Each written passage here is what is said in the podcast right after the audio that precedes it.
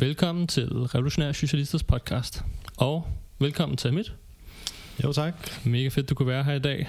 Og som mange af jer, der er derude nok ved, så er Revolutionære Socialister, vi er ikke en dansk organisation. Vi er blot den danske sektion af IMT, den internationale marxistiske tendens, som er en kan man sige, verdensorganisation. Vi kæmper nemlig ikke for socialisme i Danmark, vi kæmper for socialisme i hele verden.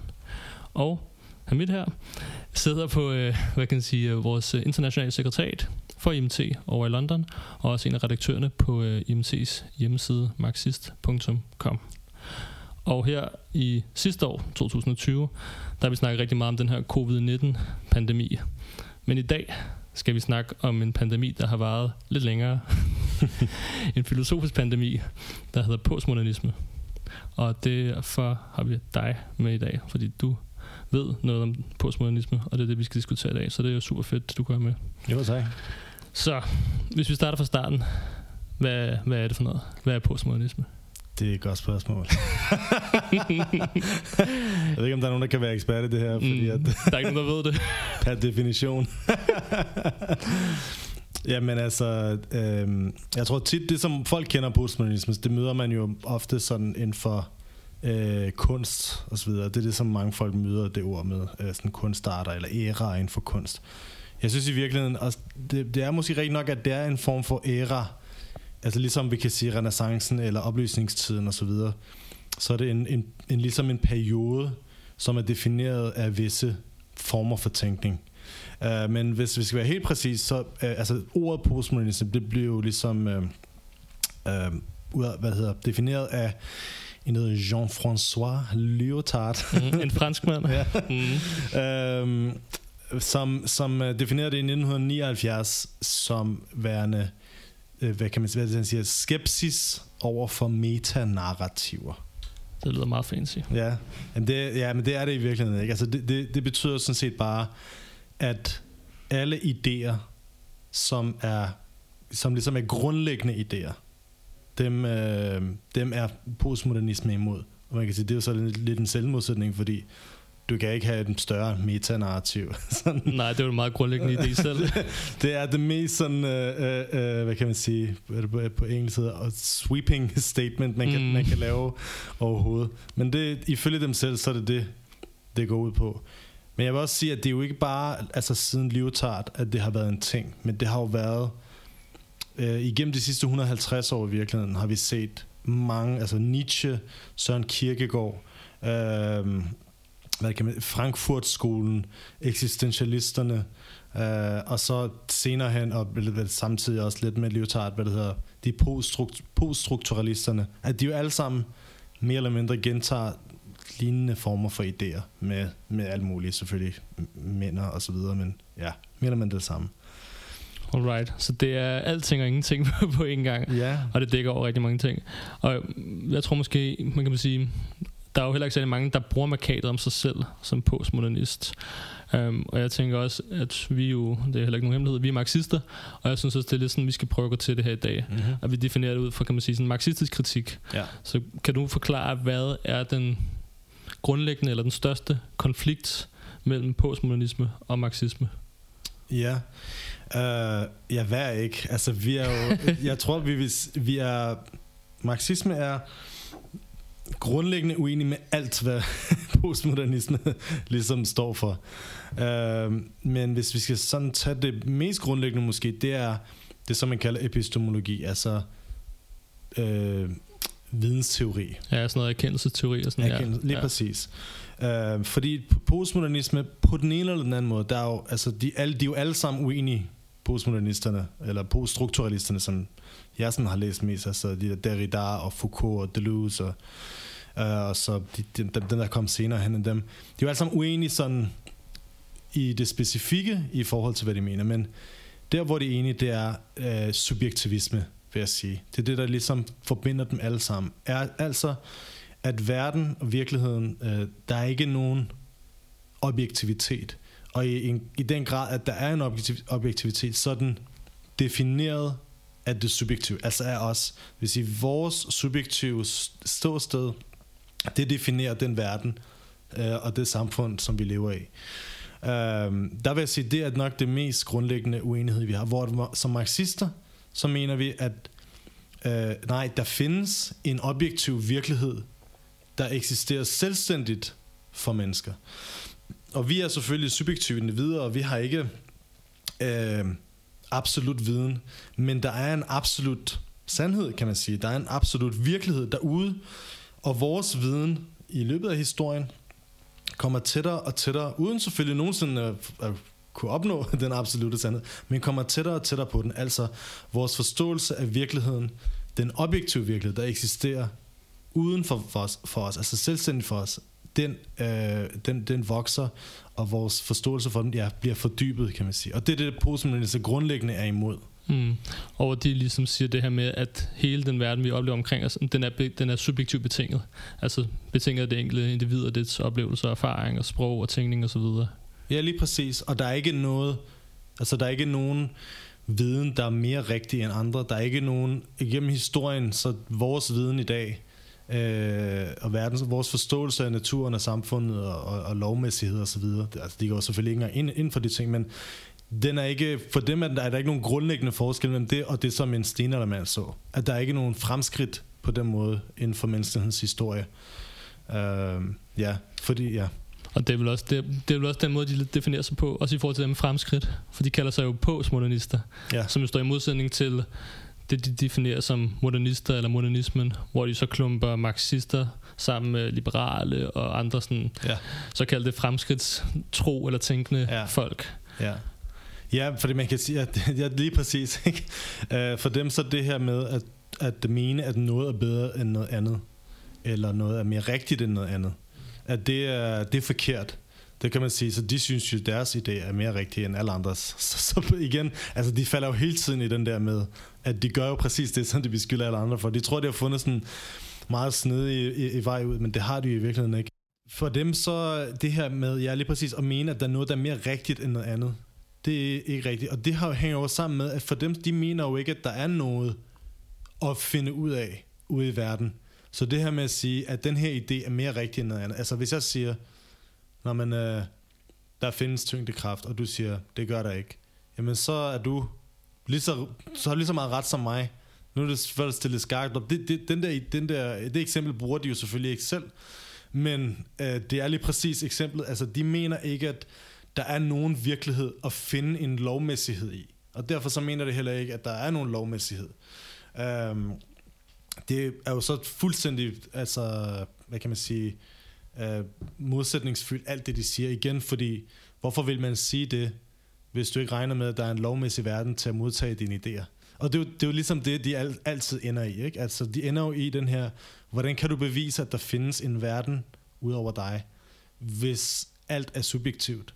hvis du, du, alt, alt det du ser og du begriber og det du ligesom sanser og erfarer igennem din aktivitet, jamen det har du ingen chance for at vide om det er rigtigt, fordi det er ligesom øh, plettet af din subjektive stillstand. Jamen så ender du med, at du kan ikke reelt set 100% bevise, at andre mennesker findes, at naturen findes, at, at der er noget som helst andet end dig og din øh, fantasi, der ligesom findes. Det kan, du kan ikke engang bevise, at du findes. Nej, det skal man nogle problemer så. ja, fordi at, altså, så skal, det skal jo være fysisk, og det kan man jo ikke bevise. Så hvordan kan du det? Så det eneste i, i sidste ende, og det er der jo ikke nogen af de her, der ligesom anerkender, men, men i sidste ende, så ender du det, der hedder solipsisme, som betyder, at der eksisterer intet andet end min lille tank, alle mine, tanker, og at jeg i virkeligheden er en eller anden form for matrix. Og for eksempel ham der Baudrillard, som er en af, ja. som er en af de der han har jo sådan nogenlunde den form for idé. Han har noget det der The Simulacrum, som man kalder det, uh, som er en eller anden form for Matrix-verden, som er styret af medierne og så videre, men det er jo lidt svært at vide, hvad fanden han i virkeligheden mener, for jeg tror ikke, der er ikke nogen, der er nogen som helst, der forstår. Men det er derhen af, de vil. Uh, men så selvfølgelig fordi, at de ikke vil anerkende det her. De vil ikke acceptere det, de vil ikke ligesom stå, stå ved det så kringler de jo deres sprog og alt muligt ud i alt mulige mænder og visser og så videre. Men det er jo det, det sidste ende, at de, de er nået i. Og det er jo også det, der er meget kendetegnende ved dem, at de er sindssygt svære at læse, og måske endnu svære at forstå. Og det, det er måske også heller ikke en tilfældighed, hvis deres konklusioner netop bliver sådan nogle, altså ekstrem former for relativisme, Ja. hvor alting er lige godt eller lige dårligt, eller ikke kan, hierarkiseres ja. på nogen måde. Ja, ja, altså, de, de sætter jo en øh, ære i det. Du lytter til Revolutionære Socialister, Danmarks revolutionære marxistiske podcast om aktuelle begivenheder, teori og historie. Podcasten er produceret af os i Revolutionære Socialister. Vi er en organisation bestående af studerende og arbejdere, som kæmper for en socialistisk revolution i Danmark og i resten af verden. Vi er en del af IMT, den internationale marxistiske tendens, som er aktiv i over 40 lande. Følg os på Spotify, iTunes og alle andre platforme, hvor du får din podcast fra, og smid gerne en anmeldelse. Du kan finde flere aktuelle, teoretiske og historiske analyser på marxist.dk. det sjovt for nylig, så, så lytter jeg til sådan en postmodernistisk podcast, hvor han sagde sådan, øh, jamen altså, det her, det er simpelthen så, så avanceret det her, at, uh, at det, det er næsten umuligt at forstå. er det rigtigt? og han, altså, han sagde, Hvis jeg selv skal sige det. ja, altså, han er, det var Deleuze, som uh, han sad og læste, han har læst det igen og igen, og han sagde, altså, altså, jeg ved ikke helt, om jeg har. Han, han er jo ekspert, fordi han har haft en, en podcast, jeg kan ikke huske, hvad den hedder, om, uh, om postmodernisme i mange år, og læst dem alle sammen, og han sagde, jamen, det er simpelthen, det er så kompliceret, at jeg, jeg, kan sgu ikke, jeg er ikke sikker på, at jeg kan forstå det. Fedt. Ja, men de sætter en ære i det, og det er jo lidt, for eksempel, øh, hvad det hun hedder, um, Judith Butler, Mm. som jo er uh, igen en af de her postmodernister, poststrukturalister, hvad, hvad det nu er, hun kalder sig. Um, hun mener jo, at hun, hun siger jo åbent, at hun gør sit sprog uforståeligt med vilje, for, fordi hun, hun ser det som en måde at ændre virkeligheden på. Mm. Ja, fordi det er også en af deres hjørnesten, ikke også? Det er det her med sprog. Ja. De er meget, meget, meget interesserede i sprog og i diskurser ja. og narrativer Ja. og ord og sådan Ja. noget. Kan du fortælle lidt om, hvad, hvad det er, de mener i forhold til det? Jamen, det er jo, det, det er jo så, ja, det er jo også igen lidt svært. De mener jo alle sammen lidt forskelligt, men, men grundlæggende set, så gør de, de mystificerer jo sproget på en måde. Man kan sige, det, der var jo, øh, hvis man går til helt tilbage til sådan skepticisme i opløsningstiden, ligesom øh, Hume og sådan nogle folk der. Um, de endte jo med bare, altså sådan mere eller mindre åbent og anerkende. Vi kan ikke bevise noget uden for vores hjerner, vores sind. Vi kan ikke, øh, at, at vi kan ikke bevise, at noget andet der findes. Det er vores tanker, der definerer verden. De idéer er jo selvfølgelig meget, altså de er blevet tilbagevist øh, mange, mange gange af videnskab, af filosofi, af alle mulige folk. Uh, så hvis man vil gentage dem, så skal man jo ligesom finde på noget nyt. Og det, det mener jeg, at, at, at postmodernister i virkeligheden gør, når de tager fat i det her med sprog. I virkeligheden så går de jo tilbage til før Hume. Det var ligesom de middelalderlige skolastikere, som, som sådan, åh, sidder og definerede, sådan analyserede sproget for at se, for at finde ud af virkeligheden. Hvor at i virkeligheden så sproget er jo en refleksion Mm. af virkeligheden, ja. som, som vi ser det. Ikke? Altså fra et marxistisk synspunkt, så er sprog jo det er jo, øh, øh, en, det, er, det er jo en refleksion af vores bevidsthed selvfølgelig, og vores tanker osv., men det i sig selv er jo en refleksion af den natur, vi lever i og interagerer i. Og der er også helt klare beviser for, at sprog, øh, at det er jo blevet be- udviklet allermest i takt med øh, kompleks værktøjsudvikling og arbejde. Altså, når mange mennesker skal arbejde sammen, så er det selvfølgelig, så, så, så definerer man et, et sprog, for at gøre det, at, ligesom for at øh, øh, sikre sig, at man kan gøre det samme Mm. i den natur, der eksisterer, i den virkelighed, der, der, der eksisterer, som man erfarer. Og det er jo derfor, man begynder at lave generaliseringer, og man begynder at se, øh, begynder at prøve at kigge på lovmæssighed igen i naturen, øh, sådan så at man kan diskutere, sådan så man kan, man kan ligesom samarbejde omkring det, og bruge den natur til menneskehedens bedste. Mm. Øhm, men for de her folk, så er det omvendt. Altså, så er det sproget, der definerer naturen. Og det er jo det, der... Altså, det her i Danmark, så er det sådan med diskurs, det er jo en meget stor ting på universiteterne. Ja. Øhm, du har jo gået på Roskilde Universitet. Yes, der blev man nærmest ikke lært andet. Der, der, ja, lige præcis. Min bror går også der nu, at det er præcis det samme. Altså, det er diskurser og diskurser og på mange forskellige måder, men i grundlæggende er det samme. Øhm, hvor man siger, det er jo det, der, det, er det, der definerer vores virkelighed. Øhm, altså, for eksempel, øhm, til at starte med, altså man kan sige, der var jo ham Derrida, øh, som, som var i 70'erne. Endnu en fransk mand. Endnu en franskmand. Han havde jo den her idé, han kaldte difference, som var sådan et uh, ordspil, lydspil, fordi at uh, det, på, på fransk, du kan stave det difference på forskellige måder. men lyden er den samme. Ah, okay. Ah, ja, lige præcis. Mm. Så det betyder forskellighed, og så betyder det ligesom deference, hvad betyder det på dansk? Øh, Nu har jeg ikke glemt det. Altså ligesom at udskyde ting, Ja, eller sådan skubbe ting foran sig. Og det, med det mener han, at, øh, at, at sproget, at der er ikke nogen mening i sproget, fordi alt sprog, det er ligesom at definere ud fra sådan nogle binære modsætninger. Øhm, så hvis man siger mand og kvinde osv., altså hver gang, at du vil definere noget, så skal du finde en masse binære modsætninger til det. Og for at definere dem, så skal du finde en masse binære modsætninger. Og så ligesom, så det han mener, det er, nu prøver jeg at repræsentere ham. ja, det kan jeg godt høre. så, så det han mener, det er, at øh, al, altså mening, det forsvinder. Fordi du kan aldrig rigtig opnå mening med noget med de, med de ord. Men som jeg ser det, så er det jo, at øh, det, han, han fuldstændig adskiller de ord med virkeligheden. Altså de ord i, i, i sprog i Derridas øjne, har intet med virkeligheden at gøre. Øh, og, og det han mener, det er, i, igen, han har den der subjektivistiske holdning, altså det er sproget, der definerer virkeligheden. Sproget er ikke defineret af virkeligheden selv. Øhm, og det, så falder han ud i det her sådan helt ekstreme relativisme, hvor han mere eller mindre indrømmer, der findes ingen mening. Der er ikke noget mening.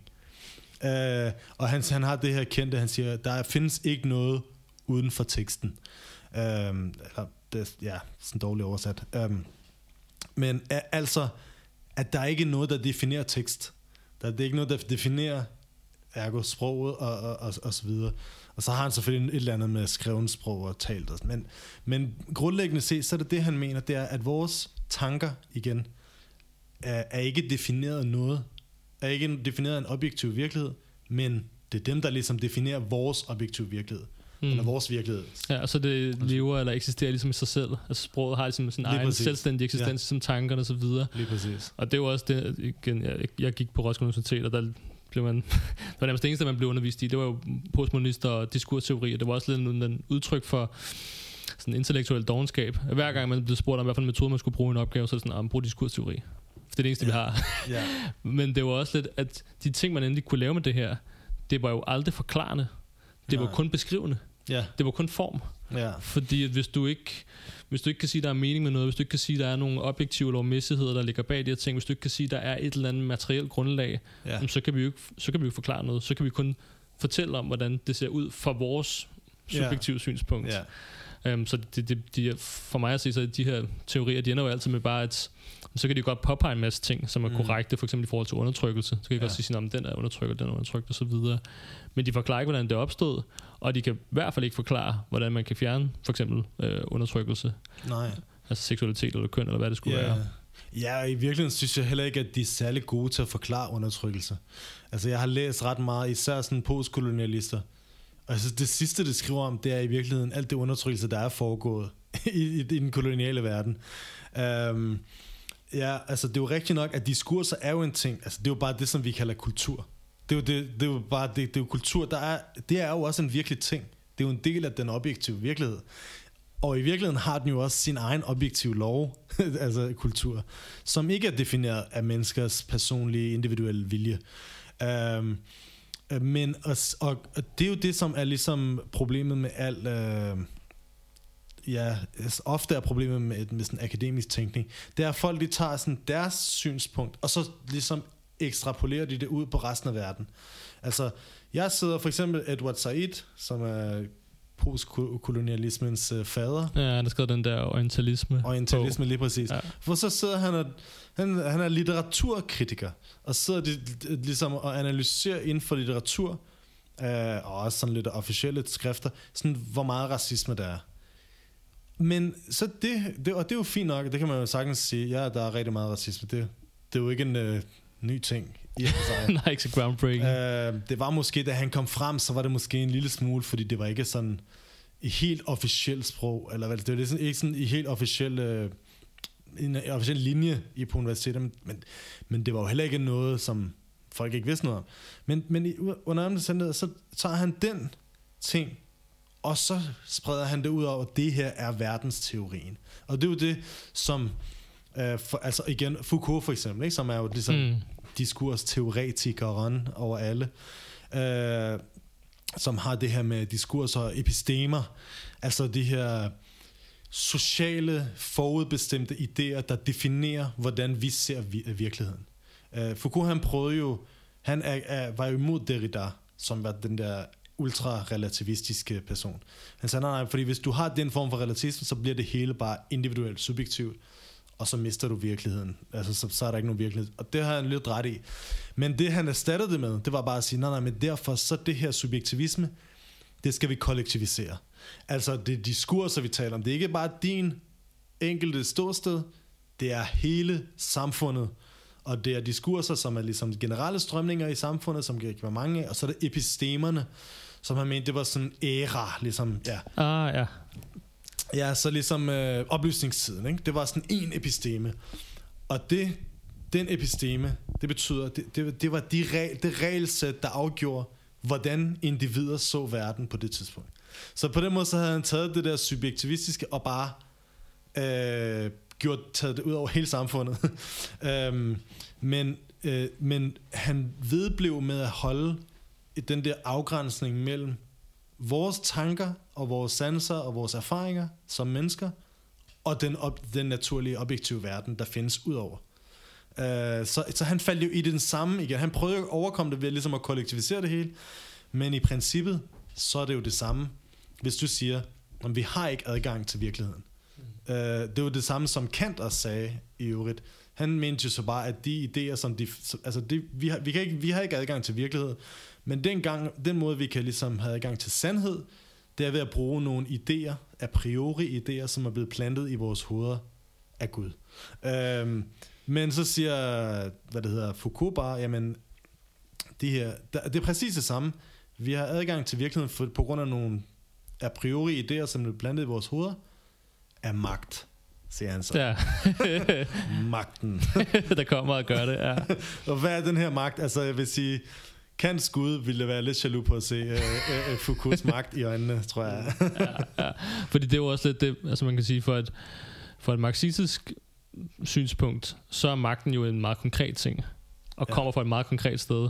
Øh, kommer grundlæggende fra de økonomiske strukturer, som skaber klasser i samfundet osv., så, videre, så ligesom kommer op den vej igennem. Ja. Men hvad er, hvad er magt hos de her postmodernister? Hvad er magt hos ham, altså hos, hos sådan en som Foucault? Ja. Altså, det, det, det virker som om, det er lidt svært at gribe. Jamen, det er det jo. Altså, jeg har faktisk tit siddet og prøvet sådan at følge med i den der, fordi det, det, der kommer jo... For det første, så hver eneste bog, de skriver, så, uh, Foucault skriver, så, så er det jo ligesom... Så redefinerer han det jo. Men det, jeg synes i virkeligheden, det han gør, det er, at han bare skubber ligesom... Uh, hvad det hedder, målstregen, det længere tilbage, fordi at fordi han ender jo i det der subjektivisme. Han ender i, i solipsisme hver eneste gang.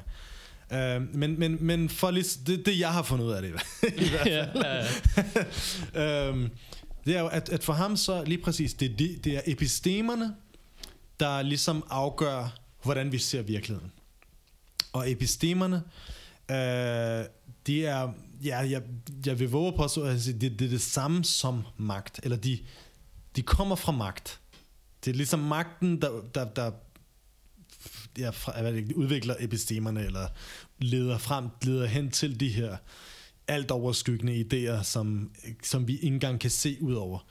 Uh, undtagen Foucault, men altså, det ved, jeg, ved, jeg kan ikke finde ud af, hvordan han når det frem til det, men, men, uh, men, uh, men det er epistemerne, der, ja, og de kommer jo fra magten, men magten i forhold til Foucault er, uh, han beskriver det både som, altså, han, det er virkelig bare kultur. Altså, forholdet mellem mennesker i, i et samfund. Uh, nogle steder så siger han så også, at det også er uh, altså, hvad det hedder, uh, intelligentian. Det vil sige den klasse, han selv tilhører. Og det er meget belejligt. Det er meget, ja, ja, og, det, og det, det, kommer, det kan vi komme tilbage på. Det kommer de alle sammen tilbage til. Men i, i grundlæggende set, så mener han jo, at lige præcis, at magt, og det er også ideologisk magt, det ikke er øh, objektivt. Det er bare en form for relation imellem mennesker, som er fuldstændig tilfældig.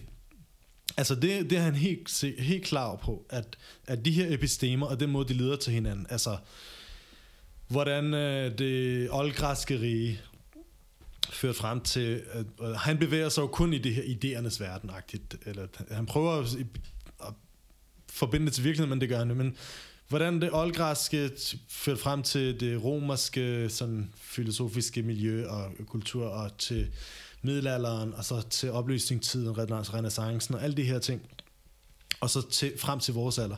Det mener han jo fuldstændig tilfældigt. Så det er ikke sådan, det er ikke en eller anden form for rationel magt. Det er bare en magt. Magt, mener Foucault, bare altid findes, når der er øh, et verdensbillede.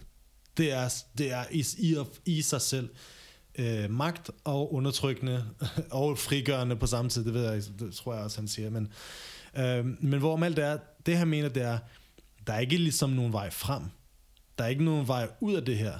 Altså, selv hvis nu, at vi analyserer os frem til, at den form for ideologi, der, der ligesom er herskende i dag, er vildt undertrykkende og racistisk, eller hvad det nu er, så er der ikke nogen vej ud af den, for det er bare sådan, det er. Og det er et resultat af os. Det er et resultat af vores aktivitet. Og det er også det, han siger for eksempel. Uh, vi skal bekæmpe vores egen indre fascister. Okay. altså, så, så det er ikke fascisterne på gaden, eller, eller dem ved, ved magten, den rigt, altså i, i regeringen, eller dem, der eller statsmagt, eller noget som helst af, af, af den dur. Det er vores indre, og det er også det er vores relationer i forhold til hinanden, der skaber den her magt, og al undertrykkelse og alle negative ting, al elendighed, som vi ser i vores samfund i dag, det kommer også derfra. Det er vores indre dæmoner, vi skal bekæmpe. Lige præcis. Mm. Og det, det er jo det, som, øh, som det er. Og hvor at vi som marxister, vi mener jo, jamen, det er jo ikke rigtigt. Altså, det er jo rigtigt nok, han er jo fat i noget for kode, det er jo ikke noget nyt, det er jo el gammelt, men at der er jo diskurser, der er jo dominerende kultur, der er dominerende idéer i alle samfund. Men hvad repræsenterer de idéer? Ifølge Foucault er det bare en fuldstændig tilfældig ting, som alle mennesker i samfundet ligesom er med til. Og en del af det at opretholde. Og en del af at opretholde. Og det, det er så ligesom, det bliver så bare kronet, og, og hvad kan man sige, øh, der bliver sat ord på det i intelligensserien. Ikke? Men vi mener jo, at alle idéer repræsenterer klasseinteresser. Og det kan være på alle mulige øh, måder, men, men når du ser igennem historien, alle de strømninger, der har været inden for filosofi, for eksempel, og det er jo det, er jo det mest generelle øh, former for idéer, det har været øh, lige præcis meget, meget præcise hvad det hedder, øh, øh, udtryk for klasseinteresser. Um, og det er de herskende klasses interesser, der dominerer i et hvilket som helst samfund. Altså det er, i det her kapitalistiske samfund, jamen vi har jo borgerlig filosofi, som postmodernisme i sig selv er, der bliver udviklet, der bliver, der bliver øh, øh, fremført, og der bliver dissemineret igennem skolerne, universiteterne, medierne og, og kirken og alle mulige trosretninger osv. Og sådan har det jo altid været. Og samtidig så har der også været øh, oppositionelle idéer, som har tilhørt andre øh, klasser. Og især de revolutionære klasser, der har været på vej op. For eksempel da, da borgerskabet, altså da kapitalistklassen i, i sig selv var ved at i sin, i sin yngre dage øh, udvikle sig, så, så fremførte den jo sig selv på lige præcis på materialisme, øh, på det her ateistiske tilstand, i, hvad det hedder, ståsted i virkeligheden. Øh, imod feudalsamfundet, imod kirkens magt, imod øh, ka, øh, den, den katolske kirke og alt det her rådenskab og mysticisme og øh, det reaktionære ideologier, som middelalderen ligesom øh, bød på. Men det var jo ikke bare noget, der var opstået af sig selv. Det var jo lige præcis et udtryk for en, en ny klasse, der var, der var på vej op, og som skulle bruge den øh, ideologi som en vigtig våben til at vælte det gamle regime. Og det siger vel også noget om, kan man sige, det borgerlige samfund i dag, og hvor det er på vej henad, at da det ligesom var på vej opad, at det var ungt, og det ligesom var stærkt og skulle, ja. skulle nedkæmpe noget andet, men ja. så stillede det sig selv på et, kan man sige, filosofisk, materialistisk grundlag, altså det her ja. med, det den materielle verden, der er det primære tanker, sprog, ja. religion osv., et, et biprodukt, ja. eller kan man sige afledt af det, hvor nu her, på et tidspunkt i historien, hvor kapitalismen ikke viser nogen fremgang, så har man den her super idealistiske filosofi, altså det her med, at det er tanker, eller sindet, eller sproget, diskurserne, ja. som er det primære, og som er, øh, bliver reduceret til en eller anden form for pessimistisk, liberal tankegang, ja. om at det er din skyld. Helt sikkert. det er din skyld, verden er sådan her. Du må lave om på dig selv, øh, og det er det eneste, du kan gøre, ja. agtigt. Du kan ikke rigtig Helt gøre andet. Og det er jo det, der er, der er så ironisk, ikke? at det her, at øh, de, de postmodernisterne bekæmper magt og magt og magt og magt og magt, og i virkeligheden så er de et meget vigtigt våben, vil jeg sige, til at opretholde kapitalistklassens magt i dag, ved at øh, afspore rigtig mange unge mennesker, som leder efter radikale idéer, og lede dem væk fra at ændre samfundet. Ja, lige præcis. Jeg tænker på, har du nogen... Fordi man kan sige, nu snakker vi der med postmodernisme, og det er jo ikke noget, som du mm. diskuterer øh, ude på fabriksgulvet eller på din arbejdsplads mm. et eller andet sted med dine ja. kollegaer. Det er jo, må jeg også sige, og nok specielt i Danmark, det er jo et fænomen, som lever på universiteterne primært. Mm. Øhm, men når du siger det her med, at det er sådan en, en kan man sige, øh, at det er en, en reaktionær skole, som bliver brugt til ligesom at afspore for eksempel unge mennesker for at gå ind i ja. reelt revolutionær politik. Har du nogle eksempler på det gennem historien, hvordan det institutioner har brugt det med postmodernisme sådan aktivt? Ja, altså jeg vil sige, for mig at sige, så postmodernisme i alle dens former er kontrarevolutionær af natur. Altså den er jo imod, altså Foucault for eksempel siger jo, der er ikke nogen revolutionær, øh, hvad er det, der han kalder det? locus of revolution, jeg ved ikke, hvad det betyder, jeg ved ikke, hvad man oversætter Altså, der er ikke nogen sådan revolutionære ting at kæmpe for. Der er jo ikke noget efter den her verden. Det er jo det, de mener. Der er jo ikke noget fremskridt. Så der er jo heller ikke noget bedre at kæmpe for, fordi der er ikke noget bedre. Um, og så er der selvfølgelig, hvad det hedder, alle de der mere konkrete afstikker fra det her. Altså, vi har feminisme, sådan den der småborgerlige feminisme, der, det, er jo, det, det tager jo fat i rigtig, rigtig mange unge mennesker, som øh, korrekt set er imod øh, mandsjuvenisme og undertrykkelse af kvinder, og, øh, og vi gerne vil støtte kvindernes befrielseskamp. Men så bliver det jo rettet hen imod noget, der på ingen måde befrier nogen som helst kvinder. altså det her med, at, at, at altså, øh, hvad det hedder, flere pladser på i bestyrelser og flere kvinder, der skal være ditten og datten. Altså, det er jo at bare i virkeligheden anerkende alt det, som mandsjuvenisterne siger. Altså alt det, som folk, der undertrykker kvinder, siger, at kvinder, de er særlige, og de er specielle. Bedre eller værre. Så, så de her folk, de, de, de anerkender jo det her. I stedet for at kæmpe for ligeværdighed, så kæmper de for, når man, så, så er det kvinder, der skal være uh, mere, for eksempel. Ikke? Uh, eller bedre, eller en bedre uh, position. Og i virkeligheden synes jeg også, selv hvis de ikke gør det, så den her idé om, at kvinder skal have særbehandling, at det er jo sådan en utrolig nedladende ting. Uh, at sige, at de kvinder er jo ikke gode nok til selv at klare det på baggrund af deres egne idéer. Mm. Uh, det har jeg jo også mødt ofte i forhold til, at jeg ikke har været dansk. Nå, men så skal du have et eller andet særligt, og, og så videre. Ja, men, sådan noget såkaldt positiv særbehandling. Ja, lige præcis. Ikke? Øh, øh, det er jo, det er jo, altså det, vil, det er, jeg bliver så vred, jeg har det så kastet en stol i hovedet på det. ja. det er selvfølgelig ikke rigtigt, det har jeg lidt. Det har jeg lidt. Øh, på folk, der siger sådan noget, fordi hvad, hvad, hvad fanden er det for noget? Og så plus, hvad ender det ud i? At vi alle sammen skal tage vores lille hjørne af undertrykkelse. Jeg er kvinde, jeg er af Mellemøsten, jeg er fra Afrika, jeg er homoseksuel, jeg er et eller andet trans, jeg er et eller andet andet. Uh, jeg har bare stået forkert op i morges. Og så skal vi alle sammen kæmpe for vores egen lille ting imod hinanden. I Revolutionære Socialister har vi ingen rige bagmænd og får heller ingen støtte fra kommune, stat eller noget andet sted. I modsætning til alle andre politiske organisationer er vi 100% økonomisk uafhængige. Det kan vi kun blive ved med at være på grund af støtten fra vores medlemmer og støtte for arbejde og unge, der sympatiserer med os. Folk som dig. Vi håber derfor, du har lyst til at støtte vores arbejde med et økonomisk bidrag. Gå ind på revosok.dk bliv medlem. Her kan du blive B-medlem, hvor du overfører et fast beløb om måneden, og til gengæld får vores avis. Det vil være en kæmpe hjælp i kampen for en bedre verden, i kampen for socialisme. Og bare i forhold til det, eksempel der, det synes jeg også er interessant i forhold til det amerikanske valg, som er blevet afholdt, og den nye Biden-administration, ja. hvor de jo også har gjort en dyd ud af, at, der skal være mange forskellige køn og etniciteter og så videre, så videre i administrationen, ja. så den skal være så divers som overhovedet muligt. Ja. Så, men det er jo kun form. Altså det er ja, ja. udelukkende form. Det er kun et cover-up for ligesom at, sådan, at, sådan, at glemme, at de alle sammen har arbejdet i våbenindustrien, eller hvor fanden de har været hen ja, tidligere. Ja, ikke? Jamen, vi har da meget bedre eksempel til dig på hjemme. Altså, lad os se på kvinderne i det danske parlament. Mm. altså, ja, ja. Mette Frederiksen, fuldstændig skør i hovedet, øh, højorienteret racist, og så bliver hun selvfølgelig overgået af Inger Støjberg, og hvad er den, den sidste hedder? Pernille Vermund. Pernille Vermund, ja. Så hvad, hvad har det gjort godt for kvinder? Ingenting. Mm. Ingenting. Overhovedet. Uh, eller Obama. Hvad har det gjort godt for uh, sorte mennesker, at Obama var præsident i otte år? Jamen, det var under hans præsidentskab, at uh, Black Lives Matter opstod for, til at starte med. Mm. Eller i, uh, hvor er det ham her blev, blev dræbt sidste år? Uh, Minneapolis? Minneapolis, ja. Politiinspektøren i Minneapolis er øh, halv sort og halv latino. Altså de to mest undertrykte minoriteter i USA. Ja.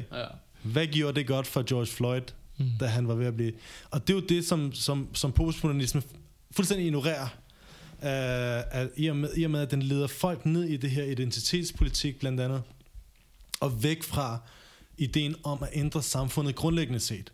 At det, at det har jo lige præcis intet at gøre med, hvilken køn vi er, mm. hvilken hudfarve vi har, men noget at gøre med de, med de grundlæggende, underliggende økonomiske interesser i virkeligheden, øh, som styrer vores samfund. Og alt det her, racisme og så videre, det er jo lige præcis en, øh, det er for at afværge opmærksomheden. Og det, som postmodernisterne og deres sådan lidt mere konkrete identitetspolitik folk gør, de kører bare med den stil. De kører bare ned med den linje, undskyld. Altså, ja, det, det er det, det handler om. Det handler om, du er sort eller hvid. Det handler om, du er mand eller kvinde. Det er jo ikke det, det handler om. Det handler om, hvem er det, der har den økonomiske og den politiske magt i det her samfund. Mm. Uh, og hvilke interesser er det, der styrer det.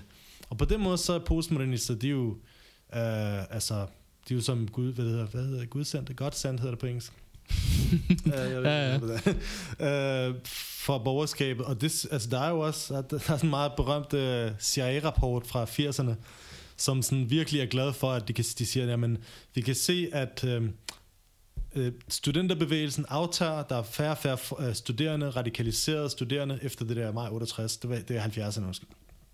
Øhm, og øh, altså venstrefløjen bliver svækket, og samtidig så opstår, at der kommet en ny øh, øh, hvad det hedder, tendens, som de så forbinder med Foucault og Levi Strauss, tror jeg, det hedder, og siger, øh, ja, og det er jo rigtig godt, fordi de, de, de er på vej op og kæmper imod marxisme, og kæmper imod det her der. Og CIA hylder de her. Og det er jo virkelig, altså det siger jo bare... Det er noget af et sandhedsvidne, ikke også? I ja, forhold til, hvor de... Altså det, some, from the horse's mouth. Ja, ja, lige præcis. Det var, det var også bare i forhold til hele det her spørgsmål, øhm, som du også var inde på, i forhold til det her med, at med postmodernister, at de lægger meget vægt på forskel.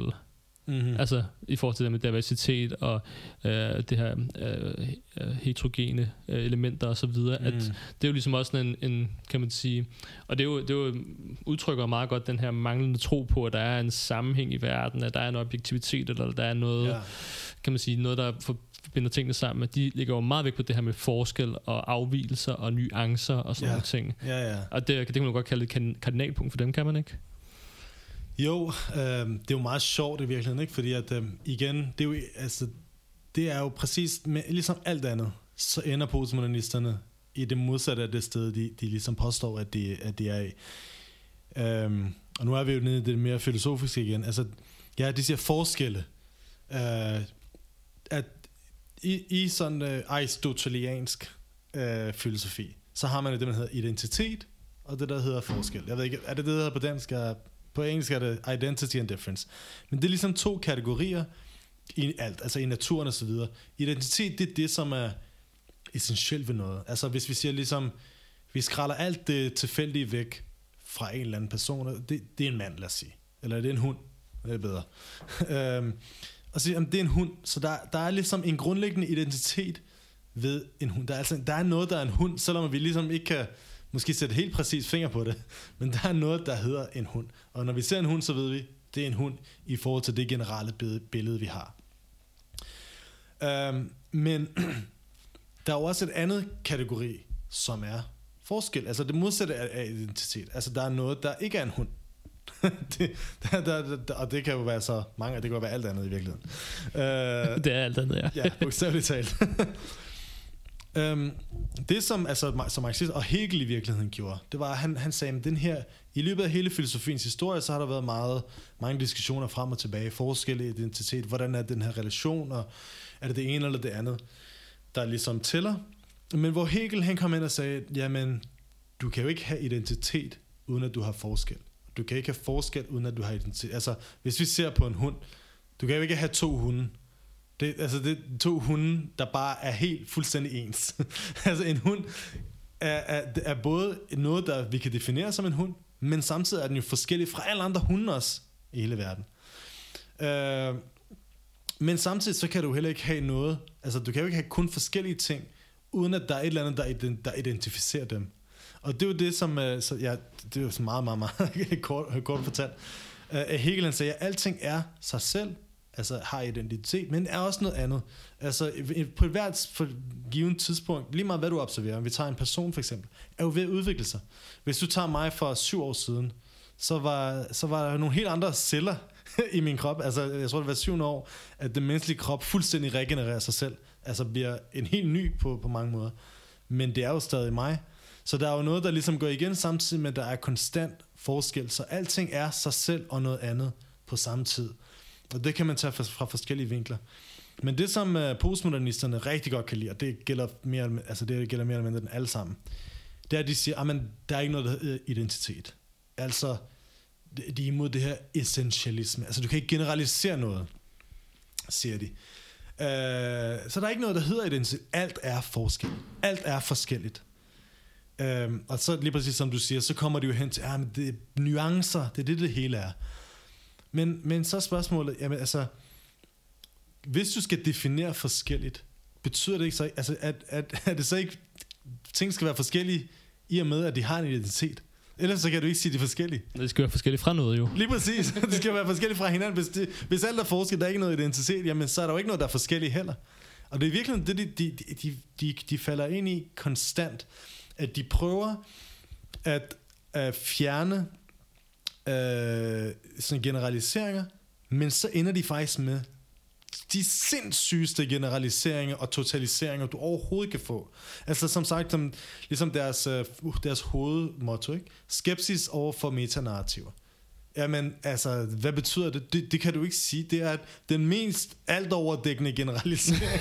ja, lige præcis. Du overhovedet kan få. Og det her med, hvis du ikke vil have forskel, jamen har, ender du ikke bare med, hvis der ikke er nogen som helst afgrænsninger, ender du ikke bare med, at hele verden bare er en stor klump, udifferentieret, mm. øh, uden forskel, fordi det kan du jo ikke have. Nej, nej, det bliver en stor grå grød, ikke også? Altså ja. alting flyder jo sammen, hvis der ikke er noget, altså hvis det ikke er noget at være forskelligt overfra. Lige præcis. Og hvis du ikke har afgrænsninger, jamen kan der være noget, der ikke har en afgrænsning? Og hvis du ikke har afgrænsninger, jamen igen, du ender med en kæmpe identitet, en kæmpe u øh, hvad det hedder, øh, uforanderlig identitet. Og det er jo det igen. De går ikke ind for forandring, for eksempel.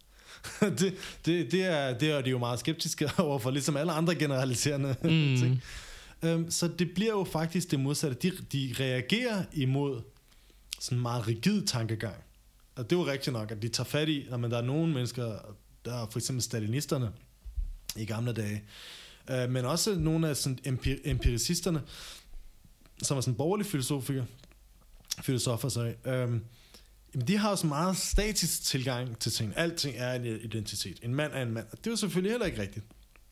Men i og med, at de, øh, at de overgår, at de ligesom skrider over til den, til den, på den anden side, den, den anden ekstrem, jamen så ender de i den samme boks igen.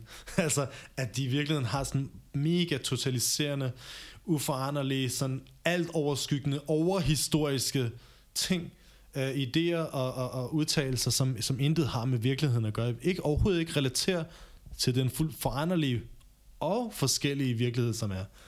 Øh, og det er jo det, som, altså som marxister, så siger vi, ja, alting er forskelligt, men, men det betyder ikke, at der ikke er, at vi ikke også kan generalisere, men, men at de generaliseringer har en vis øh, begrænsning, ligesom at bare se alting i ren forskellighed, har også sin begrænsning, at det kan kun ses øh, ja, som en del af det samme. Ja, lige præcis. Som eksisterende. Og det med, at de er mod alle former for kategorier på et eller andet plan. Ja. Men hvor man kan sige, vi vil også sige, at alting er jo forskelligt, men derfor har du stadigvæk ting, der binder kan man sige, grupper sammen, mm-hmm. hvor de har fælles træk, hvor de har essentielle træk, som netop gør, at de har noget til fælles. Ja. Inden for den gruppe er der selvfølgelig også forskelle, men det er ikke så stor kvalitativ forskel, at de er ikke har noget med hinanden at gøre, eller de ikke har nogen fuldstændig, at de ikke har nogen helhed, eller de ikke har nogen sammenhæng. Lige præcis. Hvor det, hvor det, er, det vil postmodernist ja. afvise, at du kan skabe de her grupperinger, eller de her kategoriseringer.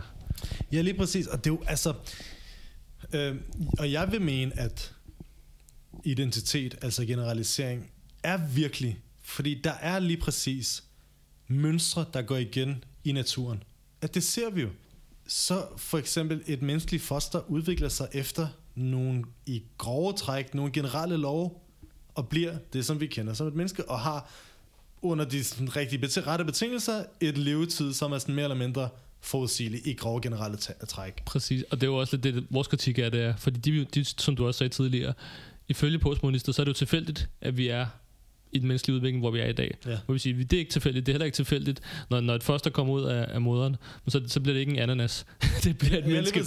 det, det ja, bliver et menneske. En banan. Ja, ja. banan. Mennesker og bananer deler jo 71% af vores DNA. Præcis, så det kunne lige så godt. ja. Men det er det der pointen, der er jo netop nogle lovmæssigheder, der er nogle, altså der er nogle ting, der gør, at du godt med en vis sandsynlighed kan sige nogle ting, selvfølgelig inden for ja. en afgrænset ramme. Og så kan der selvfølgelig være en masse afvielser inden for den her ramme, og også ja. nogle gange gå ud over rammen. Øhm, men det ikke er fuldstændig tilfældigt, som de vil påstå, at der, det er jo mere eller mindre bare sådan lidt random, ja. hvad der sker. Og de modsiger sig selv. Altså bare, altså vi, vi, vi anerkender jo, at der er lovmæssighed i naturen, som vi så kan, vi, og vi er i stand til at finde ud af den lovmæssighed. Vi, vi er i stand til at udforske den, og blive bekendt med den øh, uden nogensinde at forstå den fuldt ud, fordi den er jo også uendelig, altså naturen er uendelig i, på alle lederkanter, altså i dybden og i bredden og så videre.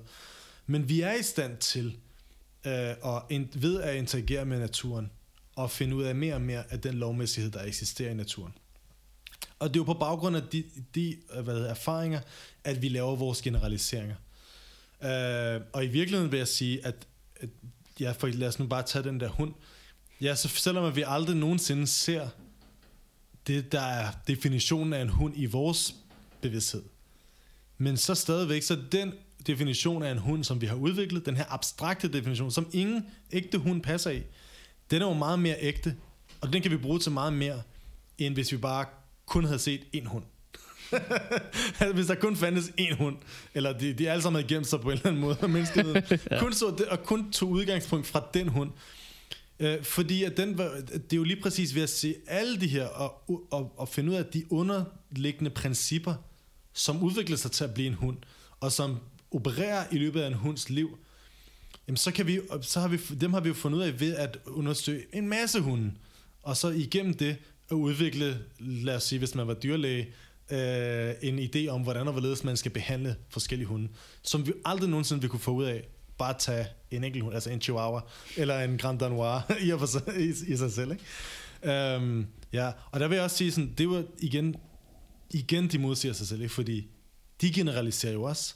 Altså sprog er jo lige præcis en refleksion af, at det her, at vores generaliserende øh, bevidsthed, altså i vores sprog, altså Hegel han siger, altså jeg elsker, han siger, du kan ikke beskrive det, du ser. Hvad betyder det? Det betyder, hvis vi skal beskrive noget som helst, nu, nu sidder jeg med en kuglepen her, og skal beskrive den. Det er en kuglepen. Jamen, det er jo en generalisering. Nå, men den, har, den er blå. Det er jo også en generel udtalelse. Og så har den noget gummi og noget plastik, og så, altså, så er der lige en kugle nede for enden. Det er jo alle sammen generelle termer, men det er jo lige præcis på baggrund af udviklingen af menneskets samfund, øh, at vi har fundet ud af, altså vi har udviklet de her generelle termer, øh, til at interagere med den objektive øh, virkelighed, den verden, vi lever i. Og så ved jeg, at når jeg beskriver det til dig, så ved du faktisk ret, ret godt, du har en ret god idé om, hvad det er, at jeg sidder og beskriver, øh, og ligesom kan tage stilling til det ud, ud fra det. Um, og det gør de jo også i og med, at de skriver, og de taler. altså, de bruger jo generaliseringer. Hvis de mener, at der ikke er nogen virkelighed udenfor, til ligesom at binde de her ord fast på, og der er ikke nogen lovmæssighed, jamen, så er der jo heller ikke noget, der ligesom binder deres ord. Så er der ikke nogen, der binder deres generelle termer, som de bruger i et væld Bare sådan, bare sådan generelt termer, som vi andre ikke kender. Men, altså, de har jo ligesom, øh, øh hvad det hedder, termdiarré, skulle jeg til at sige. De så vælter ud med bøger ja, ja, ja. og artikler og alt muligt. Ja, jeg vil ikke holde sig for grammatikken, fordi det er undertrykkende og så videre, så det ja, kører bare derud af. Og så laver de deres egen grammatik, som er fuldstændig uforståelig. Men, men, men de bruger jo lige præcis, øh, øh, øh, ud over det, sådan, altså når Judith Butler skal forklare, jeg bruger øh, ikke rigtig grammatik, fordi det mener jeg er undertrykkende. Så skriver hun det jo i rigtig grammatik. altså, og alligevel, og, og folk kan jo godt forstå hendes bøger, selvom at de er sådan... Øh, øh, altså det er jo bare et trick, det der, hun siger i virkeligheden. Det er jo fordi, hun gerne vil dække over, hun har ikke har særlig meget at sige. Men, øh, men, men ja. Ja. Helt sikkert. øhm, jeg tænkte, vi kunne gå lidt over mod, hvor det her kommer fra. Mm-hmm. Det tror jeg også, at det ja. kunne være meget interessant at komme ind på. Men lige inden vi går derover, er der andre sådan nøgle koncepter, eller begreber hos, hos postmodernisterne, som du øh, synes, vi lige skal tage med, inden vi øh, går over sådan og bliver lidt mere... Ja. Fordi det er jo sådan ja, filosofisk lidt det er abstrakt og så videre, men øh, virkelig, virkelig spændende, men Ja. inden vi går over og bliver lidt mere Yes. konkret i forhold til, hvor de kommer fra. Jamen altså, jeg synes, vi har, vi har sådan været rundt om det meste, altså det her med lovmæssighed og det her med generalisering og så videre. Altså der er selvfølgelig, de er jo på baggrund af alle de ting, vi har talt om, også sådan principielt eklek- eklektiske, altså, og det betyder, at de går ikke ind for, det er måske første gang i verdenshistorien, at en filosofi ligesom øh, sætter en ære i det. På Ja, ja, ja. de, de, de sætter en ære i, at deres idéer ikke er sammenhængende. Altså, at forskellige, de tager sådan forskellige bidder af forskellige idéer og prøver lidt at sætte, sætte dem sammen, uden at tænke over, om det passer ind, for, ind i resten af deres idéverden. Og det mener det jo, det er fordi, at det, det hele er jo forskelligt øh, igen, øh, og derfor så behøver idéer ikke at, at, at hænge sammen. Øhm, men ja, og det er jo også en refleksion af, at de mener jo ikke, at der er en sammenhængende objektiv verden. Der er jo ikke nogen sammenhængende objektiv verden med objektiv lov. Øh, den, altså, verden er i, hvad hedder, delt op i alle mulige ting. Det subjektive, det objektive, men det objektive er også delt op, og det subjektive er også delt op i alle mulige små rum og så videre. Og så kan vi, nå, så kan vi lige se på den her øh, ting i verdenshistorien ud fra en diskursteori. Det er, jo, det, er jo ikke, det er også meget akademisk, ikke? Hvad for en teori vil du bruge for at analysere det her? Mm. Om så sidder vi lige der og kigger lidt. Nå ja, men øh, jeg tror, jeg tager den her i dag. Ja, du kan vælge for hvilken hylde, du har lyst til. Ja, lige præcis. Ikke? Og- Men hvad så? Hænger det sammen med det, du sagde i går? Mm. Det gør det jo ikke. Uh, men når du ikke anerkender, at der findes en sammenhængende verden alligevel, så kan du jo være lidt ligeglad. Så jeg vil sige, eklekticisme, det er det andet, altså, men hvor at, igen alle de store filosofer i verden, som vi ligesom stiller os ved siden af, eller efter, som, som, som, som elever af, ikke ved siden af, men øh, øh, som, som Aristoteles og Sokrates og Platon, og ja, selvom at han var idealist, men altså, han havde alligevel nogle meget gode ting at sige, og øh, øh, øh selv Kant og så videre, altså, de prøvede jo at være sammenhængende Og konsekvente. og konsekvente, lige præcis. Ikke? Men de her, øh, og, og, og Hegel var jo altså den største af dem, og, og selvfølgelig Marx, øh, at det, som du siger i en sfære, det skal, jo ligesom, det skal du også kunne forsvare i en anden. Og det er jo den måde, videnskab i det hele taget har udviklet sig, ved at kritisere hinanden lige præcis, og tage dine idéer, tage det op og stille det op i en anden situation, og så angribe det, men, og så igennem den kritik, så komme op til en, en, en højere forståelse, øh, måske en, en, ja, måske en differentieret forståelse af forskellige ting, men samtidig bundet fast af sådan en, en højere generel forståelse af den virkelighed. Ikke? Hvor at de her, de, de mener jo så, at, øh, at der er ikke nogen sammenhængende. Altså det, det skal man ikke være. Men det er jo også, altså igen, det er jo også en sammenhængende ting at sige. og, og det, og det, igen, de, de er utrolig selvmodsigende. Øh, jeg tror også, det har noget at gøre med, at de er jo også sådan lidt rockstjerner. Altså, det var jo også... Mange af dem har jo, altså Foucault og Deleuze og, sådan, og det der er sådan, jeg, jeg tror, at de har bare sådan, sådan lidt charlataner i virkeligheden, ikke? Og så siger de bare et eller andet, og så får de, ja, mm. altså, så går de ud og fester og, og så videre, og får lidt opmærksomhed på det. Ja, ja. Og jeg tror også, man kan man sige, lidt ligesom du var inde på tidligere, det her med, at i forhold til menneskelig udvikling, så det her med mere komplicerede arbejdsgange og produktionsmåder, det, har, øh, det har afkrævet, at man skulle have mere komplicerede kommunikationsformer, som er resulteret i sprog på et tidspunkt. Ja. Jeg tror, altså man går lidt til det samme med, med modsat foretegn i forhold til Mhm. mm-hmm. borgerlig filosofi, Ja. hvor da borgerlig filosofi ligesom var på sådan fremgang i sådan 1600-tallet, 1700-tallet, noget af 1800-tallet, der, der bare det ligesom samfundet med sig på en eller anden plan, eller omvendt, det kom med samfundet, der på vej fremad. Ja. Men så blev samfundet ligesom også for kompliceret til borgerlig filosofi, som det ligesom til borgerlig filosofi ligesom kunne forklare de processer, der skete i verden, og så slog man bare 180 grader om, og så er sådan lidt, der er ikke nogen, der, kan, der er ikke nogen forklaringer i verden. Der er ikke noget, der betyder noget, så Ja. nu siger vi bare ting, at det er sådan, der er ikke rigtig nogen sammenhæng nogen, fordi vi kan i hvert fald ikke forklare det. Ja. Så hvis vi ikke kan forklare det, er der ikke nogen, der kan forklare det. Ja. Og derfor er man ligesom gået væk fra sådan en sammenhængende filosofi. Man går over til det her, den her modstand mod såkaldt de her me- metanarrativer og så videre. Ja. Men Ja. hvor, hvor fanden kommer det herfra? Postmodernisme. Ja. Ja, der er jo lidt, for, jeg vil sige, der er jo forskellige, som jeg ser det i hvert fald, så er der nogle forskellige rødder til det. Um, skal vi tage det mest øh, konkrete først? Altså først og fremmest, så vil jeg sige,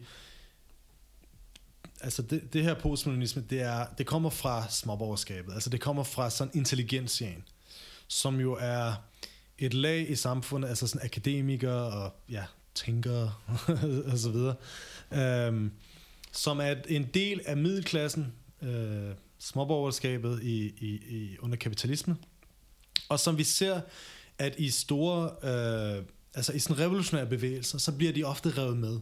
Altså så har du sådan, så rykker de til venstre, og de bliver ligesom øh, betaget af revolutionen, og de bliver sådan helt euforiske, og wow, ligesom kaster sig ind i, i, i, i de her bevægelser ofte.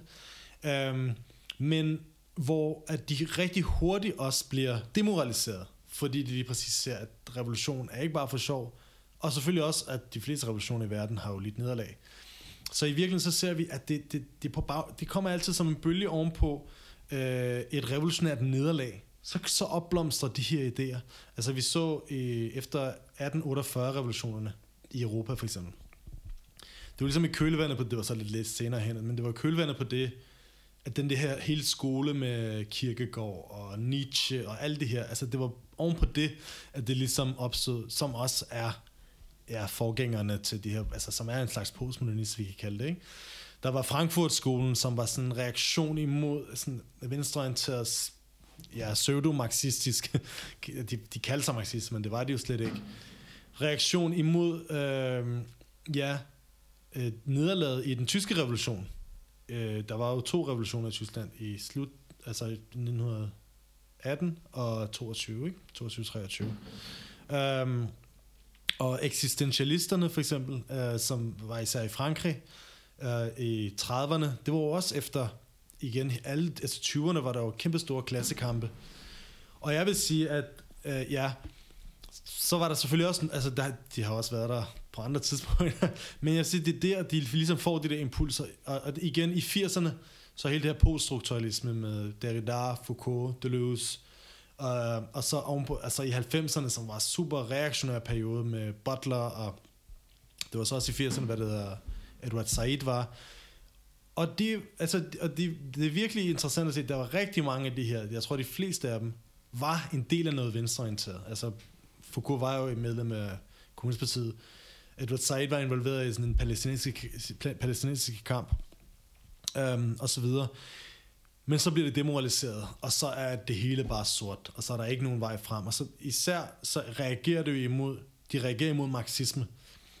Og selvfølgelig en karikatur af marxisme, øh, og de her nye folk, der har det især været stalinisme, som de tager, og så opsætter de det som, det, det var sådan en fuldstændig karikeret udgave af marxisme, de tager, og som, øh, som de ligesom angriber.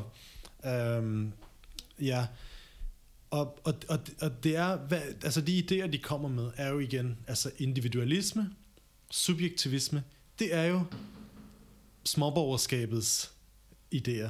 Det er jo de her folk, akademikere for eksempel, eller små handlende, eller advokater, eller, eller overlæger, eller hvad det nu er. Altså folk, det, det er jo en atomiseret klasse. Det er jo ikke en klasse, der har sammenhængskraft på samme måde. De går til fester med hinanden, og måske hygger sig over noget whisky, eller brandy, eller en cigar. Men de konkurrerer jo alle sammen imod hinanden. For eksempel i, i det akademiske miljø. Ikke? Øhm, og, og, og det, er jo, det er jo mig, mig, mig. De, de er jo undertrykt som klasse af borgerskabet. De bliver, altså, der er ligesom et tag, et loft over, hvor højt de kan komme op. Og det føler de jo alle sammen, og de står og kæmper op for at blive en del af etablissementet. Men de er jo også skrækslagende for, for arbejderklassen, og de er jo bange for at falde ned i det, og de er jo, de er jo, de er jo vrede imod borgerskabet, som presser dem ned i, i det her situation. Og det er, jo, det er jo den her situation, det er den her dynamik, der skaber de her idéer. Og især det her med, hvad med min, min situation? Ikke? Hvad med mig? Den måde, jeg ser verden på, er lige så rigtig som alle andre. Og det er jo, det er jo mine... Øh, altså min undertrykkelse, min smerte, mig, mig, mig, mig, mig, det er det, der ligesom er defineret. Og det kan du bare se, altså, fra, fra Judith, Judith Butler, som siger, at, jamen, at hun skrev også sin bog, Queer, om hvad den hedder, Gender Trouble. Ja, kønsballade på dansk, ja. Den skrev, jeg tror, der er et sted, hvor hun indrømmer, at, at hun skrev den jo som sådan en selvhjælpsbog for ligesom at komme til, til hvad det hedder, komme til terms, hvad det hedder. ligesom at, at, at, at bebrejde, at øh, hun var undertrykt som lesbisk, og det var hun jo sikkert. Men så skriver hun jo en teoretisk bog om, hvad, om hendes øh, mærkelige øh, tanker og alt muligt, og som hun så gør til teori for alle. Altså, det er sådan, du skal være. hvis du vil være progressiv, ligesom mig. og det er mig, der definerer, hvad jeg er. Hun mener jo, at, øh, at menneskelig biologi og seksualitet, altså biologisk seksualitet, er bestemt subjektivt. Altså, hvordan hun kan få det op til at gå op, det, det, det, det, det forklarer hun ikke rigtigt. Øhm, eller Edward Said, som, som beskriver, oh, hvor, hvor alle muslimer bliver undertrykt i vestlig litteratur. Og det er jo alt sammen islam, islam, islam, islam, islam. Og I virkeligheden skriver, hun ikke et ord, skriver han ikke et ord i sin hovedbog i hvert fald, om den reelle undertrykkelse, der foregår. altså, okay. der er ikke et ord om det, om alle de, altså, de forfærdelige ting, som Vesten og imperialisterne gjorde i, i Mellemøsten. Men, øh, men det, som han virkelig er sådan, ligesom klager over, det er det her med, i den akademiske verden, og du ved, øh, øh, øh, øh, hvad det hedder, advisors, øh, rådgiver, rådgiver og så videre. Ikke? Han, han siger jo for eksempel, at øh, George Bush den første gik jo i krig, i den første Irak-krig, blandt andet på baggrund af hans to rådgivere, som var orientalister. Altså som var racister mere eller mindre. Ikke? Så hvad, hvad, hvad så det? Jamen, det er jo ham, der skal være rådgiver. Rådgiver. Ikke? ja, ja. Det er ham, der skal være professor. Og det er jo det, han klager så meget over. Han mener, at det er jo det, er jo det her professorvældet, som styrer vores diskurser. Og deres problem er, at de er racister, mere eller mindre. Ikke? Um, og selvfølgelig så dækker han det med, med alle mulige snørkle idéer osv. Altså, det er sådan, og hende der Crenshaw, Kimberly Crenshaw, som har opfundet det her intersexuality, interse- intersectionalism, undskyld, intersektionalisme, ikke? Mm. Øhm, hvor hun beskriver, jamen, hvordan det er svært at være, hun beskriver, hvad det hedder, den her retssag af en ung, hvad det hedder, en fattig øh, amerikansk kvinde, mener jeg, egentlig mor er hun sikkert også, øh, som, som ligesom er dobbelt, trippel undertrykt, altså mere undertrykt end alle mulige andre, og som så bliver behandlet efter det, også i, i, i retssystemet. Og det er der jo en virkelighed. Det er jo ikke, det er jo ikke en forkert ting. Øh, at hun har sikkert oplevet en masse ting. Men det, som Crenshaw i virkeligheden, i virkeligheden peger hen imod, det er jo, at hun er jo en sort kvinde i advokatvældet i Los Angeles, mener det er, eller hvor, jeg kan ikke huske, hvor hun ligesom øh, kommer fra. Øhm, og der vil jeg ved med, at der er ekstremt meget misogyni, eller altså kvinds, kvindehad og øh, hvad det hedder, racisme osv. Og, og det er rigtig svært for en sort kvinde at komme op i det her etablissement af, af, af, rets, af jurister i, i USA. Men det er jo det, hun vil have. Og nu er hun jo kommet derop. Altså nu er hun jo en af de store, jeg tror hun sidder på en eller anden, Så tror hun har nogle positioner inde på Berkeley. Og, øhm, og så er det jo, at øhm, så bliver hun, så er hun ikke lige så, lige så slem mere. Ikke? Og inden for det her Black Lives Matter blandt andet, har hun jo været ude og rose sådan, øh, for det første har hun været ude at kritisere Bernie Sanders, altså de mest radikale politikere, der har været derude, som har sådan, sådan, talt om socialisme og revolutioner og så videre, og klassekamp. Og så har hun været ude at rose de store virksomheder, øh, øh, øh altså de kæmpe store virksomheder, for ligesom have noget affirmative action, altså have sådan lidt flere sorte i deres ting. Og en BLM klistermærke på et eller andet, eller sådan noget. Ja, altså hun har gjort de mest, kvinder kan jeg ikke lige huske det helt præcis. Men det er jo derfra, det kommer sådan helt konkret. At postmodernisme, det er det, er det, det lag i samfundets idéer. Uh, som, og det er jo alle sammen folk, der udvikler en eller anden teori, som måske godt har en eller anden form for sandhed i sig. Det, det er sjældent virkelig nyskabende, men det kan jo godt have meget ret i noget af det, de siger, men som det så de ligesom ekstrapolerer, eller hvad der trækker ned over hele naturen og samfundet. Altså, så det er blandt andet derfra, det kommer. Sådan, det er sådan, kan man sige, klassegrundlaget for den her filosofi. Ja. Det, det, er små borgerskab under kapitalismen, som er presset på alle planer. Lige præcis. Lige præcis. Covid-19-pandemien, klimakatastrofe, krige og økonomisk krise. Alt sammen problemer, som dette system, kapitalismen, ikke kan løse, men tværtimod gør større. Vi har de teknologiske, videnskabelige og menneskelige ressourcer til at skabe et samfund, hvor ingen behøver at mangle, men det bliver ikke gjort i dag på grund af overklassens behov for at skabe profit. For at sikre os en fremtid, er vi nødt til at lægge dette system i kraven og skabe et nyt, et socialistisk samfund. Jeg vil derfor opfordre dig til at gå med i kampen og organisere dig hos os i Revolutionære Socialister. Kontakt os via Facebook, gå ind på revosok.dk eller dukke op til en af vores møder og hør mere om os. Og hvordan i forhold til sådan større, kan man sige, hvis vi, hvis vi skal tage et ja. metanarrativ. et rigtigt, meta. Yes. Altså, hvordan passer det ligesom ind i forhold til sådan, kan man sige, det system, vi lever under i dag, og øhm, har, kan, vi, kan vi sige, at det har nogen sammenhæng med det, og kapitalismen på det nuværende stadie? Ja, altså jo, jeg vil sige, fordi det er jo også det sjove, ikke? Altså, de her folk, de, de fremfører sig selv som sådan oppositionelle. Men de er jo mere eller mindre kanon i dag. altså, der, der er jo ikke noget socialvidenskabeligt, humanistisk uh, studie, du kan læse i Vesten, uden at det, det her folk, der de ligesom har defineret det fuldstændig, fra start til slut. Uh, så det er jo blevet etablissementets filosofi, en af dem i hvert fald.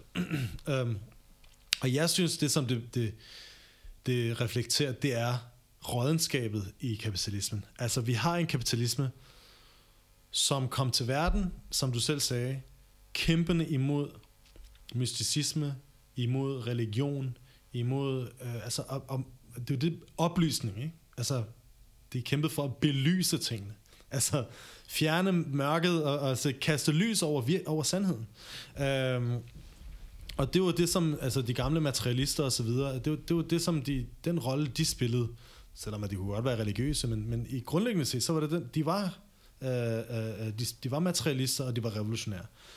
Men jeg, som jeg vil sige, så de her folk, de er jo nyttige idioter på den måde, at de repræsenterer øh, kapitalismens øh, grundlæggende interesser i dag.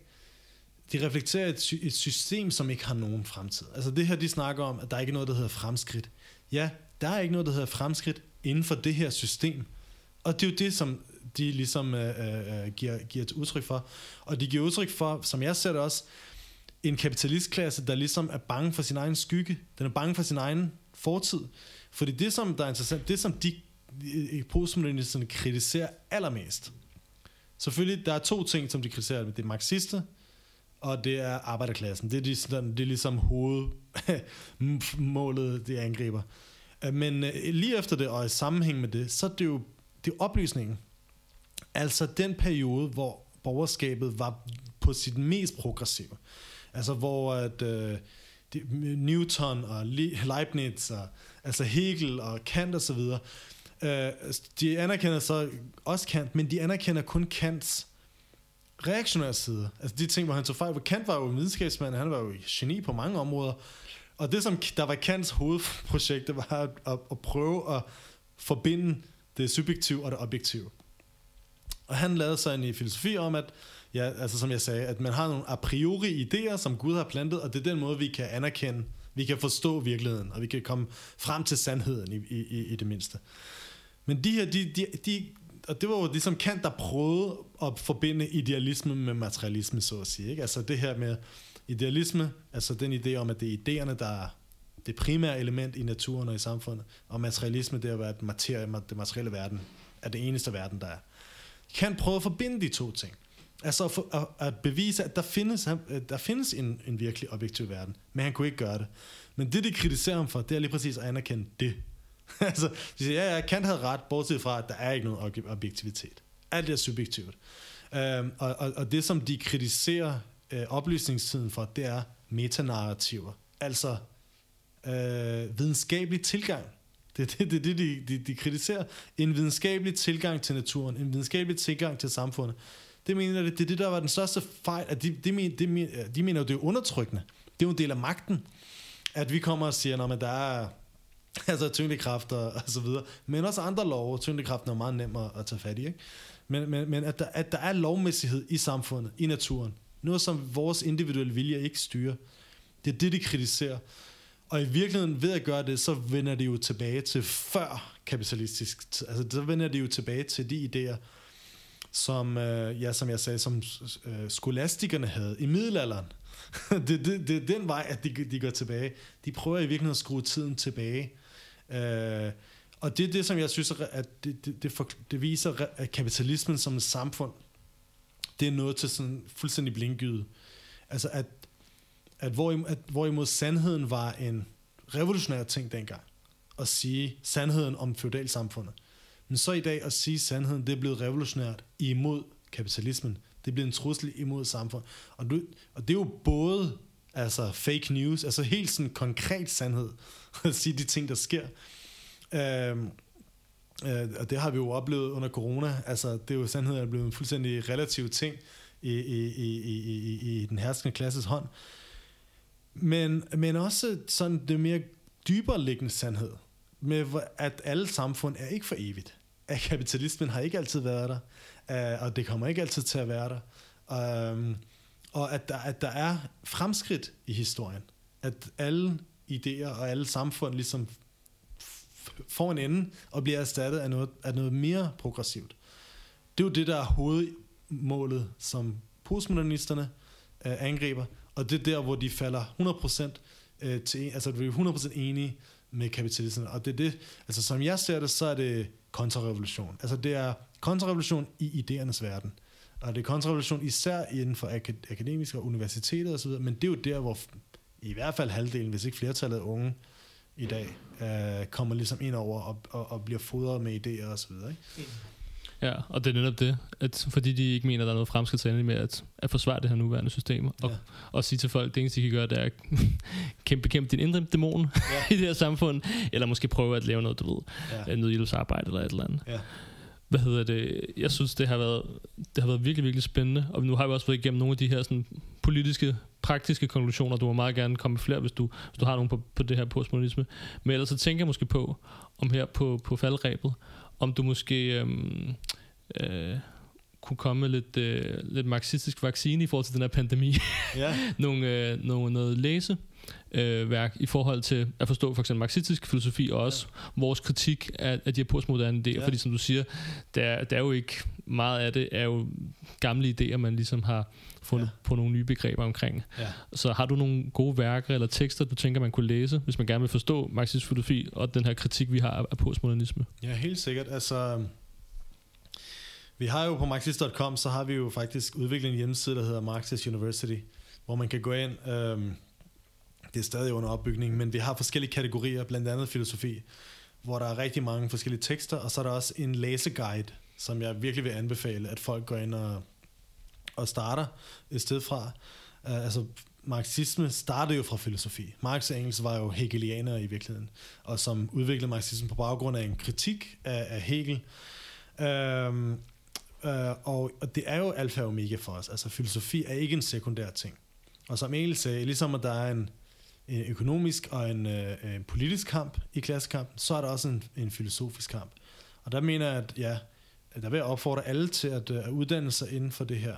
Øh, og læse, altså ja, følge vores læseguide, det vil jeg virkelig anbefale. Øh, jeg synes, den er rigtig, rigtig god. Og starter med nogle artikler, som man kan starte fra, og så ligesom bygge op øh, øh, til, til sådan nogle større øh, bøger. Ikke? Vi har blandt andet, der, hvad, hvad er dialektisk materialisme? Øhm, der er Engels, som har skrevet en bog, der hedder, altså Frederik Engels, Marx's øh, partner, som har skrevet en bog, der hedder Den, tysk, hvad, den tyske ideologi. Wait, wait, Og når Ludwig, Ludwig Feuerbach og enden af den tyske ideologi. Øh, det mener jeg, den hedder på dansk. Som er også en pjæse, som forklarer ligesom, hvordan marxisme er opstået og hvordan at marxisme opstod ud fra faktisk øh, en kritik af Hegels idéer, og hvad Hegel også repræsenterede af fremskridt i forhold til filosofi osv. Um, det var helt klart, og så en af vores egne udgivelser, Reason in Revolt, mm, ja. uh, som er en, en, en bog om marxistisk filosofi og moderne videnskab, um, og som går ind og, ligesom, og tager fat i mange af de her emner, også i forhold til, hvordan de opstår inden for moderne videnskab. Den er lidt gammel, den er omkring 25-30 år gammel så det kan godt være, de helt videnskabstekniske ting, der kan godt være nogle ting, der er uh, lidt forældet. Uh, men jeg mener, at sådan grundlæggende set, så, så er den virkelig god til at forklare mange af de her ting. Og så vil jeg jo bare ja, opfordre folk til at læse filosofiens historie. Det synes jeg også, man lærer meget af. Især det græske, de gamle grækere. Um, uh, ja, der, der er rigtig, rigtig meget af nytte. Jeg synes ikke, jeg vil ikke anbefale, at man skal læse postmodernister. nej, Hvis jeg nej. skal være helt ærlig. Selvfølgelig, man skal danne sit eget grundlag og, og sin egen, uh, sit eget billede af det. Uh, men jeg tror ikke, man får så meget ud af det. Jeg tror, man får allermest ud af at studere uh, ja, det, det, det, det er sådan grundlæggende, basal marxistisk øh, filosofi. Uh, vi udgiver blandt andet også en ny bog for, i IMT, på engelsk godt nok, Ja. Som hedder Materialisme og Empirokritisisme, Ah, ja. eller som er en genudgivelse mm. af en, en bog, som Lenin har skrevet. Mm-hmm. Og det er jo meget interessant, fordi den er jo skrevet for 112 år siden, men den handler faktisk om præcis de her ting, som øh, postmodernisterne tager op i dag. Øh, men det er så nogle andre, nogle, nogle, nogle søskende folk, søskende filosofer, som hedder, søs, hvad det hedder, marxisterne, som var positivister, som er en anden filosofisk tendens, men som ender i, ja, og drager de samme konklusioner. Og som Lenin, han, øh, han, han angriber faktisk, eller behandler i, de her, i den her bog. Så det vil jeg også rigtig varmt anbefale, at folk læser. Helt sikkert. Og jeg tænker også lige, at vi smider et link til øh, læseguiden her i, i teksten til det her podcast. Ja. Men det har været virkelig, virkelig spændende. Tusind tak, fordi du kom, Jo, tak. og tak fordi du lyttede med.